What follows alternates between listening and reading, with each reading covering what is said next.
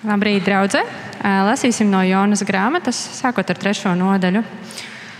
Un otrais nāca tā kunga vārds pār Jonu: Cēlies un ej uz lielo pilsētu Ninivi un sludini tai, ko es tev teikšu. Kad Jona cēlās un gāja uz Ninivi, kā tas kungs bija teicis, Ninivi bija liela pilsēta Dievu priekšā. Lai tai apiet apkārt un to kurmeti izstaigātu, bija vajadzīgas trīs dienas. Joni iesāka staigāt pa pilsētu un paveica veselas dienas gājumu. Viņš sludināja un teica, vēl tikai 40 dienas, tad Nīve tiks galīgi nopostīta. Tad Nīves ļaudis radās ticība dievam. Viņi izsludināja gavēni, un liels un mazs uzvilka mugurā maisu. Un, kad Dievs redzēja viņu darbus, redzēja, ka viņi atgriežas no sava ļaunā ceļa, tad viņa kļu, viņam kļuva žēl tā ļaunuma, ko viņš bija teicies viņiem nodarīt, un viņš viņiem to nenodarīja.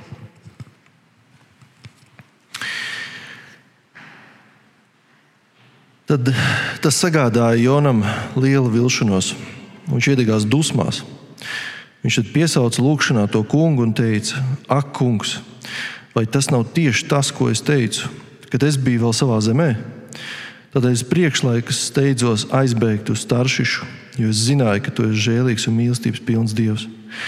Lēnprātīgs un bagāts žēlstībā, kam paredzamā ļaunuma pašam žēl. Tad, nu, kungs, pieņem manu dvēseli, jo es gribu labāk mirt nekā dzīvot. Bet tas kungs teica, vai tu domā, ka tu dari labi, dusmodamies? Tad Jona izgāja no pilsētas un apmetās kādā vietā uz austrumiem no tās. Viņš uzcēla sev tur mazu būdiņu un apsēdās tās pēnā, lai nogaidītu un redzētu, kas notiks ar pilsētu. Lūksim. Mīļais debes Tēvs, paldies Tev par šo dienu. Paldies par to, ka mēs varējām svinēt Latvijas dienu, par to, ka mēs esam brīvā Latvijā. Dievs, esi klāt ar cilvēkiem, kas šobrīd ir aktīvā karā, gan Gazā, gan Ukraiņas teritorijā. Dievs rāda viņiem ceļu pie sevis, visiem tiem, kas ir ciešanās un, un trūkumā un izmisumā. Paldies, Tev, Dievs, par visu to, ko Tu dod. Āmen!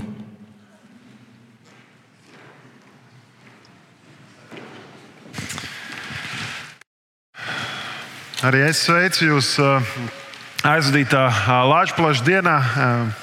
Un šajā svētku, varētu teikt, nedēļā, kad mēs īpaši daudz arī domājam par mūsu zemi, ar pateicību par brīvību, ar pateicību par to, ko Dievs ir darījis līdz šim, šim un ko Viņš mums ir uzticējis. Un, um, Latvijas dienā mēs atminamies tos vīrus, kuri um, izcīnīja ar, savām, ar saviem sviedriem un ar savām asinīm viņi izcīnīja šo brīvību, kuru uh, mēs esam saņēmuši, kurā mēs varam dzīvot. Un, uh, un reizēm es zinu, ka kristiešiem ir tā spriedze un jautājums, kā mums ir jāattiekties pret šo zemes uh, uh, nu, valsti un varām, kurās mēs dzīvojam, uh, vai mums varbūt par to ir jāaizmirst, un tā vispār nav jāpievērš uzmanība, vai mums ir pārāk ļoti uz to jāfokusējas, un kur ir tas veselīgais līdzsvars. Bet katrā ziņā Dieva sirds vienmēr ved cilvēkus uz brīvību.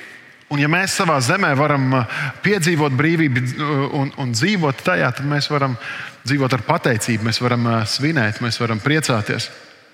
Vēl vairāk, ja mēs atskatāmies, kur tad vispār ir ideja par valsti, kur ir ideja par dažādām valodām, par nācijām, tautām, eh, tad mēs redzam, ka eh, nu, tas ir bijis Dieva plāns un tā ir bijusi daļa no viņa veida, kā viņš panāk, ka evaņģēlīja vēsts, ka labā vēsts par Dievu izskan visā plašajā pasaulē. Radīšanas stāstā Dievs teica Ādamam un Ievai: eh, vairojieties, piepildiet zemi. Un kā nu viņiem tas sanāca vai nesanāca, bet uh, cilvēki bija ļauni, nāca no plūdi Un tas bija jāsāk no jauna. No dēla, Šems, Hams, Jafets, no kuriem ir cēlušies visas tautas. Viņi sāk turpināt šo uzdevumu, piepildīt zemi. Kā viņiem tas veicās? Nu, Cilvēki kļuva vairāk, bet viņi neizklīda pa visu pasauli. Viņi turējās kopā. Viņi sāk būvēt torni. Viņi teica, ja mēs uzbūvēsim šo torni, mums nekas nebūs e, neiespējams. Mēs varēsim paveikt visu, bet viņi neizpildīs šo dievu doto uzdevumu, iz, i, e, izplasties pa visām zemēm, pa visu pasauli. Un tad nu, tur pie Bābeles torņa Dievs sajauc valodas. Rodās, varētu teikt, nācijas, radās dažādas tautas. Un, un to mēs varam lasīt, ka Dievs dod mums šīs robežas un laiku, lai mēs varētu viņu meklēt. Pāvils viņš raksta. Uh, apstuļu darbos no viena cilvēka. Viņš radīja visas cilvēku tautas, likdams tiem dzīvot pēc pa visu zemes virsmu, iepriekš nolicis laikus un robežas, kur tiem dzīvot, lai tie meklētu Dievu un kaut taustoties censtos viņu atrast, lai gan viņš nav tālu nevienam no mums. Dievs nav tālu no tevis, no manis. Dievs ir visu laiku klātesošs, un mums viņš ir jāmeklē. Ja Viņš mums ir devis šo laiku, kurā mēs dzīvojam, šīs robežas, kuras Viņš mums ir uzticējis, tad tās ir domāts, lai mēs meklētu Viņu. Jo pie Viņa ir patiesa brīvība, pie Viņa ir patiesa spēks. Un, uh, un vēsts par Dievu, vēsts par Dieva mīlestību, par Viņa žēlastību, tas ir tas, ko Jēzus teica saviem mācekļiem darīt. Viņš teica, ejiet un dariet par mācekļiem visas tautas. Mēs zinām, atklāsmes grāmatā, kur ir šī majestātiskā aina, ka visas tautas, visas valodas būs debesīs, ka uh, viņas slavēs Dievu. Un šodien es gribu ar mums, ar jums kopā pārdomāt mazliet uh, par mūsu dzīves slēptiem elkiem. Tie, kas esat bijuši šeit matējā pēdējā, mazliet vairāk nekā mēneša laikā, jūs zinat, ka mēs esam runājuši par viltus dieviem, par kādiem elkiem uh, mūsu dzīvē. Televīzijas skatītāji, jūs varat, esat mīļi aicināti ieslēgt uh, Mateja YouTube kanāla arhīvu un apskatīties. Mēs runājām par to, kā reizēm kādas labas lietas var ieņemt dievu vietu, un tad tās atnes sāpes. Vai tā būtu nauda, vai tas būtu uh, seks, vai bauda, vai mīlestība, vai vara, vai uh, panākumi. Tie var kļūt par tādiem viltus dieviem mūsu dzīvē. Un, uh, arī mūsu kultūrā, mūsu zemē reizēm ne tikai Latvijā, bet es domāju, tas ir universāli. Katrā tautā reizēm uh, iezogās kādi viltus dievi. Un katras kultūras centrā ir kaut kas, kas mums sniedz cerību un par labāku nākotni, par eh, to, ka viss būs kārtībā. Un, eh, un tā ir Dieva vieta. Un tā ir bijusi Dieva vieta, un tā ir jāpaliek Dieva vietai. Bet laika gaitā mēs kā cilvēki reizēm no tā atsakāmies un šajā Dieva vietā, Dieva tronī iesēdinām vai nu savu ideju par nāciju, par izredzēto rasi vai par kaut ko. Un tad mēs sākam uh, paļauties pārāk uz politiku un uz kariem, nevis uz Dievu. Bet uh, man liekas, ka šajā laikmetā, kurā mēs dzīvojam, mēs katrs paši esam sevi ielikuši Dieva vietā. Es pats esmu viss centrā, un es esmu tas, kurš noteiks, kas ir labs, kas ir ļauns, kas man ir derīgs un kas man ir atmetams. Un Pāvils par to runā vēstulē romiešiem. Viņš, viņš saka, ka uh, Dievu pazīdami tie ir viņu atmetuši un godājuši, eh, ka viņi nav godājuši, viņi ir atmetuši Dievu. Un vēl vairāk Pāvils saka, ka apgalvodam, ka ir gudri, tie ir kļuvuši muļķi. Un tādēļ Dievs tos ir nodevis viņu sirdžu kārībām. Reizēm mums liekas, ka Dieva sots nāks nezinu, kā, kā zemestrīce, vai vulkāns vai tsunami. Mm, bet uh, reizēm Dieva sots nāks ar to, ka Viņš saka, labi, jūs negribat ar mani neko kopīgu, lai jums veicas. Un viņš ļauj mums pašiem dzīvot un veidot savu dzīvi, kā mēs uzskatām par pareizu. Un rezultātā mēs piedzīvojam sāpes.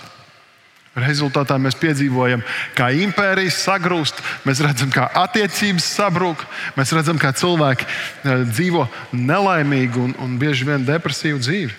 Kas nav Dieva plāns, kas, kas grib dot svētību. Mēs nemeklējam vairs tādu kopīgo labumu, kas būtu kā Dieva bērniem jāmeklē. Mēs uh, nemeklējam pat vairs tādu nācijas kopīgo labumu, bet mēs redzam, ka katrs grib raut to deķītu uz savu pusi. Nu, protams, uz politiķiem skatoties, tas liekas vienmēr vieglāk, jo mēs varam teikt, tur ir korupcija vai, vai kā. Bet mēs paši savu dzīvi skatāmies. Mēs darām tāpat. Mēs mēģinām to deķīt vilkt savā virzienā, un kā rezultātā mēs uh, bieži vien plēšamies par to, kur nebūtu jāplēšas. Un Dievs to pieļauj. Tas ir Dieva pasīvais sots, ka mēs piedzīvojam to, ko mūsu sirds ir kārojusi. Bet reizēm ir tādi slēpti elki arī mūsu reliģijā.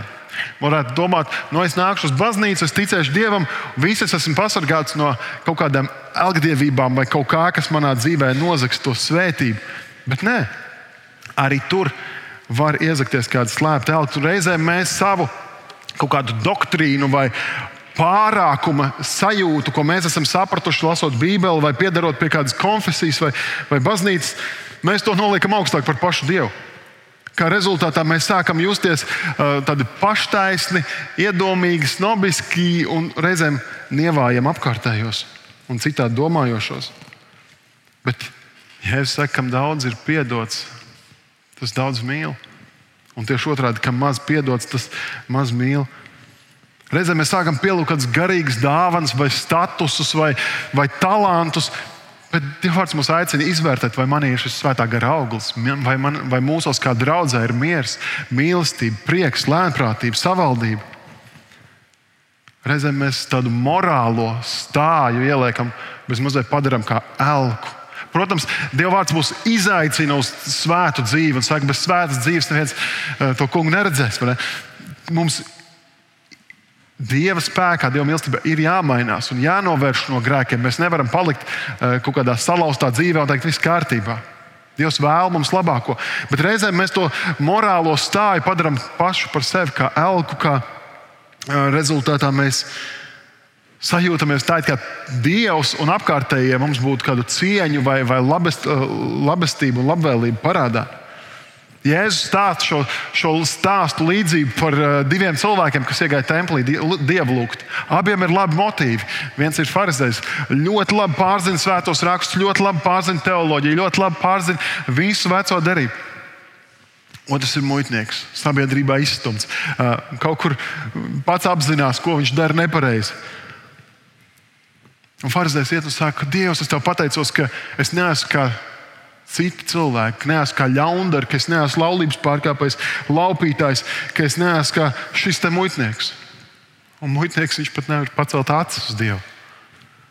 Viņš saka, piedod man grēciniekam, esi man žēlīgs.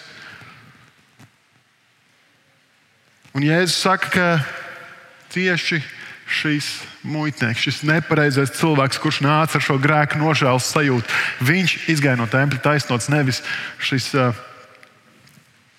šis farizējs. Mēs reizēm ar vārdiem mākam ļoti smuki pateikt un, un pierādīt savu taisnību un uztaisīties labāk nekā mēs esam, bet Dievs jau skata mūsu sirdi.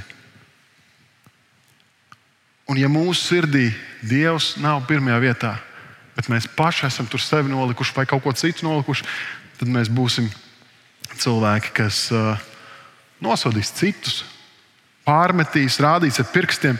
Bet, ja es saku, es neesmu nācis aicināt taisnos, bet, bet gan grēci, grēciniekus.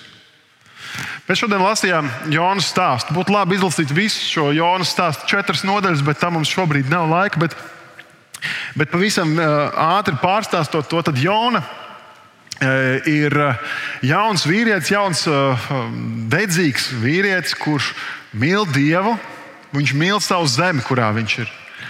Un, mēs varam lasīt otrā ķēniņa grāmatā, 14. nodaļā, ka, ka Dievs arī caur viņu ir runājis kā caur pravieti. Un, un šeit arī mēs lasām šo praviešu Jonas grāmatu.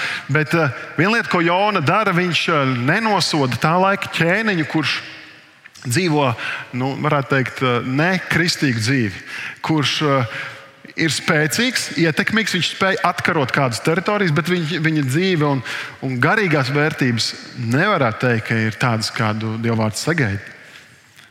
Un Jona to nenosoda, jo viņš priecājās par to, ka valsts atgūst ietekmi, ka tiek atkarotas teritorijas.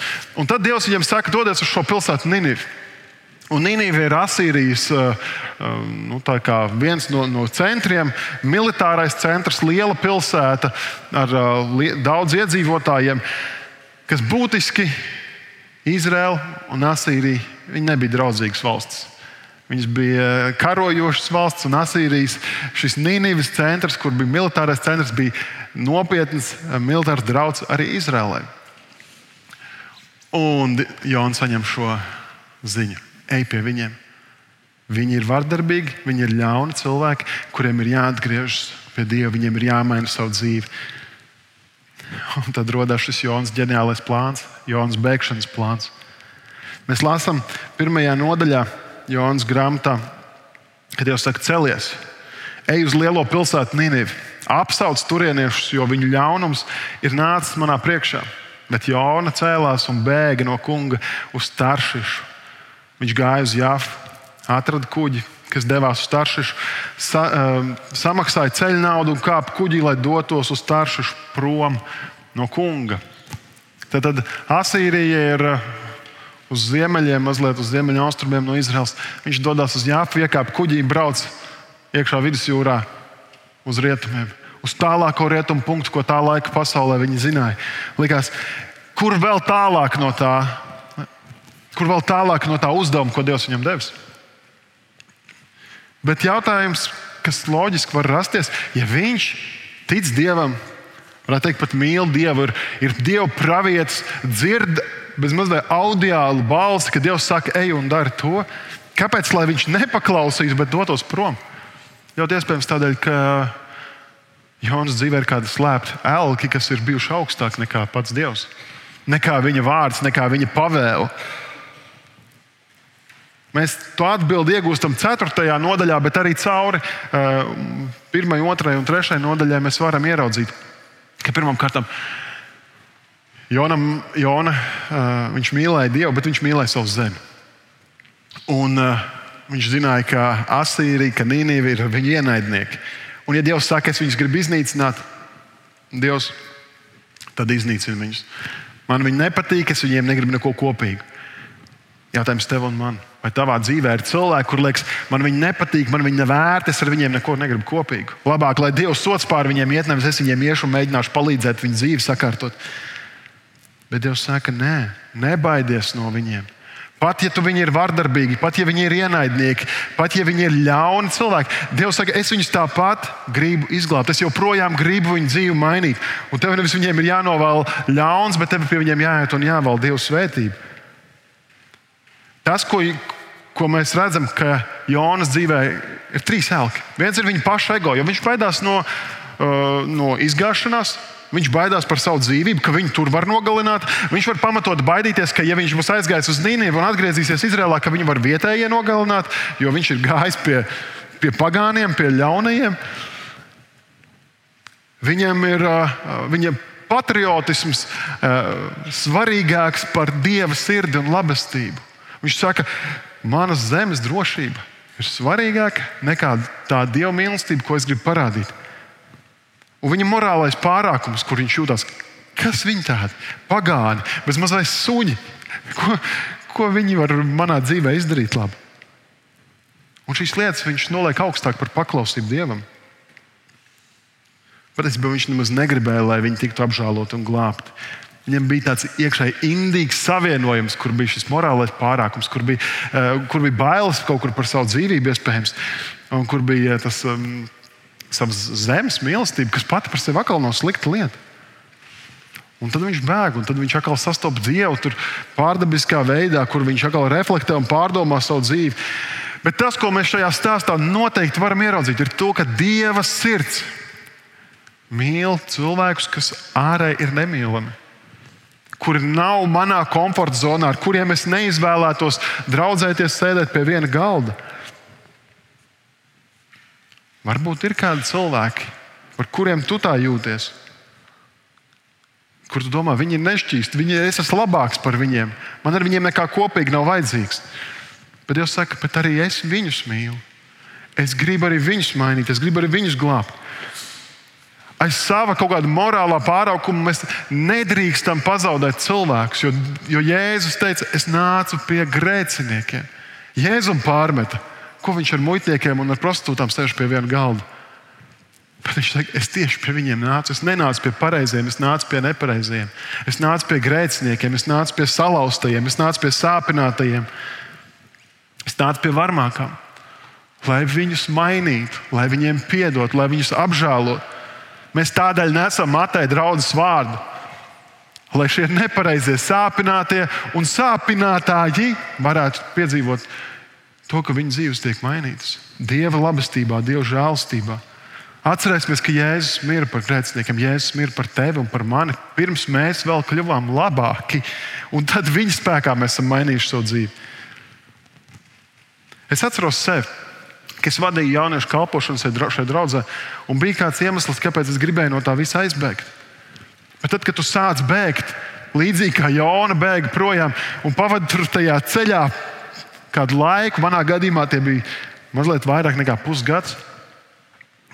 Tu saproti, ka tu nevari aizbēgt no sevis. Tu vari aizbēgt no uzdevumiem, tu vari aizbēgt no cilvēkiem, bet tu nevari aizbēgt no sevis, tu nevari aizbēgt no Dieva. Un Dievs mūs ir aicinājis būt par gaismu un par cerību. Un, ja Viņš kaut kur aicina, tad mums tas ir jāizpild. Jonas uzdevums nebija uzreiz iet mīlēt šos cilvēkus, kaut gan tas būtu palīdzoši noteikti. Bet viņa uzdevums bija iet un pateikt patiesību. Viņam nebija uzdevums aiziet un pateikt, viss kārtībā, dzīvojiet tā, kā jums jūtaties. Viņa uzdevums bija konfrontēt viņus un pateikt viņiem patiesību, tā dzīvot tālāk nevar. Ir taisnīgs Dieva sots par to, kas pienākas. Bet šo pazudināšanu gan jau nē, tā paliek Dieva rokās. Mēs nevaram iziet uz kompromisu ar grēku, ar to, kas Dieva vārds ļoti skaidri pasaka, kas ir taisnīgs vai netaisnīgs. Mums jāsaprot, ka Jona, kā jebkura vecās darbības grāmata, ir pravietojums par vienu, kas nāks par kādu citu Jonu, par Jēzu. Un Jēzus pats saka, jums cita zīme netiks dota kā viena pravieša Jonas zīme. Jona trīs dienas bija zivsvēderā, Jēzus trīs dienas bija kapā, viņš augšām cēlās. Lai daudzi grēcinieki tiktu glābti. Un mums šodien ir vajadzīgi drosmīgi vīri, drosmīgas sievas, kur uzdrīkstās iet pie tiem, kur ir nērti, pie tiem, kur ir nepareizi, pie tiem, kur ir salauzti, pie tiem, kurus mums šķiet nešķīst, lai viņiem norādītu šo mīlestības, žēlastības un cerības vēstu un šo ceļu pie Jēzus. Varbūt to nes. Varbūt tieši tu šodien zini, par kuriem cilvēkiem es runāju, pie kuriem tev ir jāiet, lai būtu par gaisu. Es aicinu, ka mēs varam piecelties un lūgt. Kungs, Jēzus, es tev pateicos, ka tu mani izglābi un ka tu mūs esi glābis, ka tu devi savu dzīvību, lai mēs varētu būt brīvi no grēka, būt brīvi no sāpēm, būt brīvi no pagātnes vainām, Kungs. Paldies Tev par to, ka Tu esi iecinājis mūsu dzīvībā. Es lūdzu, ka tu mūs joprojām lieto, lai šajā laikā, šajā pilsētā, šajā valstī, kur tu mums esi devis, un īstenībā visā plašajā pasaulē, lai mēs būtu par gaismu, lai mēs būtu par sāli, lai mēs būtu par cerības vēstnešiem. Kungs, tu redzi to neiedzību, kas notiek apkārt. Palīdzi mums ne tikai rādīt ar pirkstiem, bet palīdzi mums, ka mums var būt skaidrs acis, mīksts sirds, stingra, stingra mugura bet ka mēs varam iet un parādīt tevi, Jēzu. Ka mēs varam dzīvot patiesā pateicībā par tavu žēlstību, kas ir jauna katru dienu, kas spēj apklāt jebkuru grēku. Tavā svētā vārdā to lūdzu.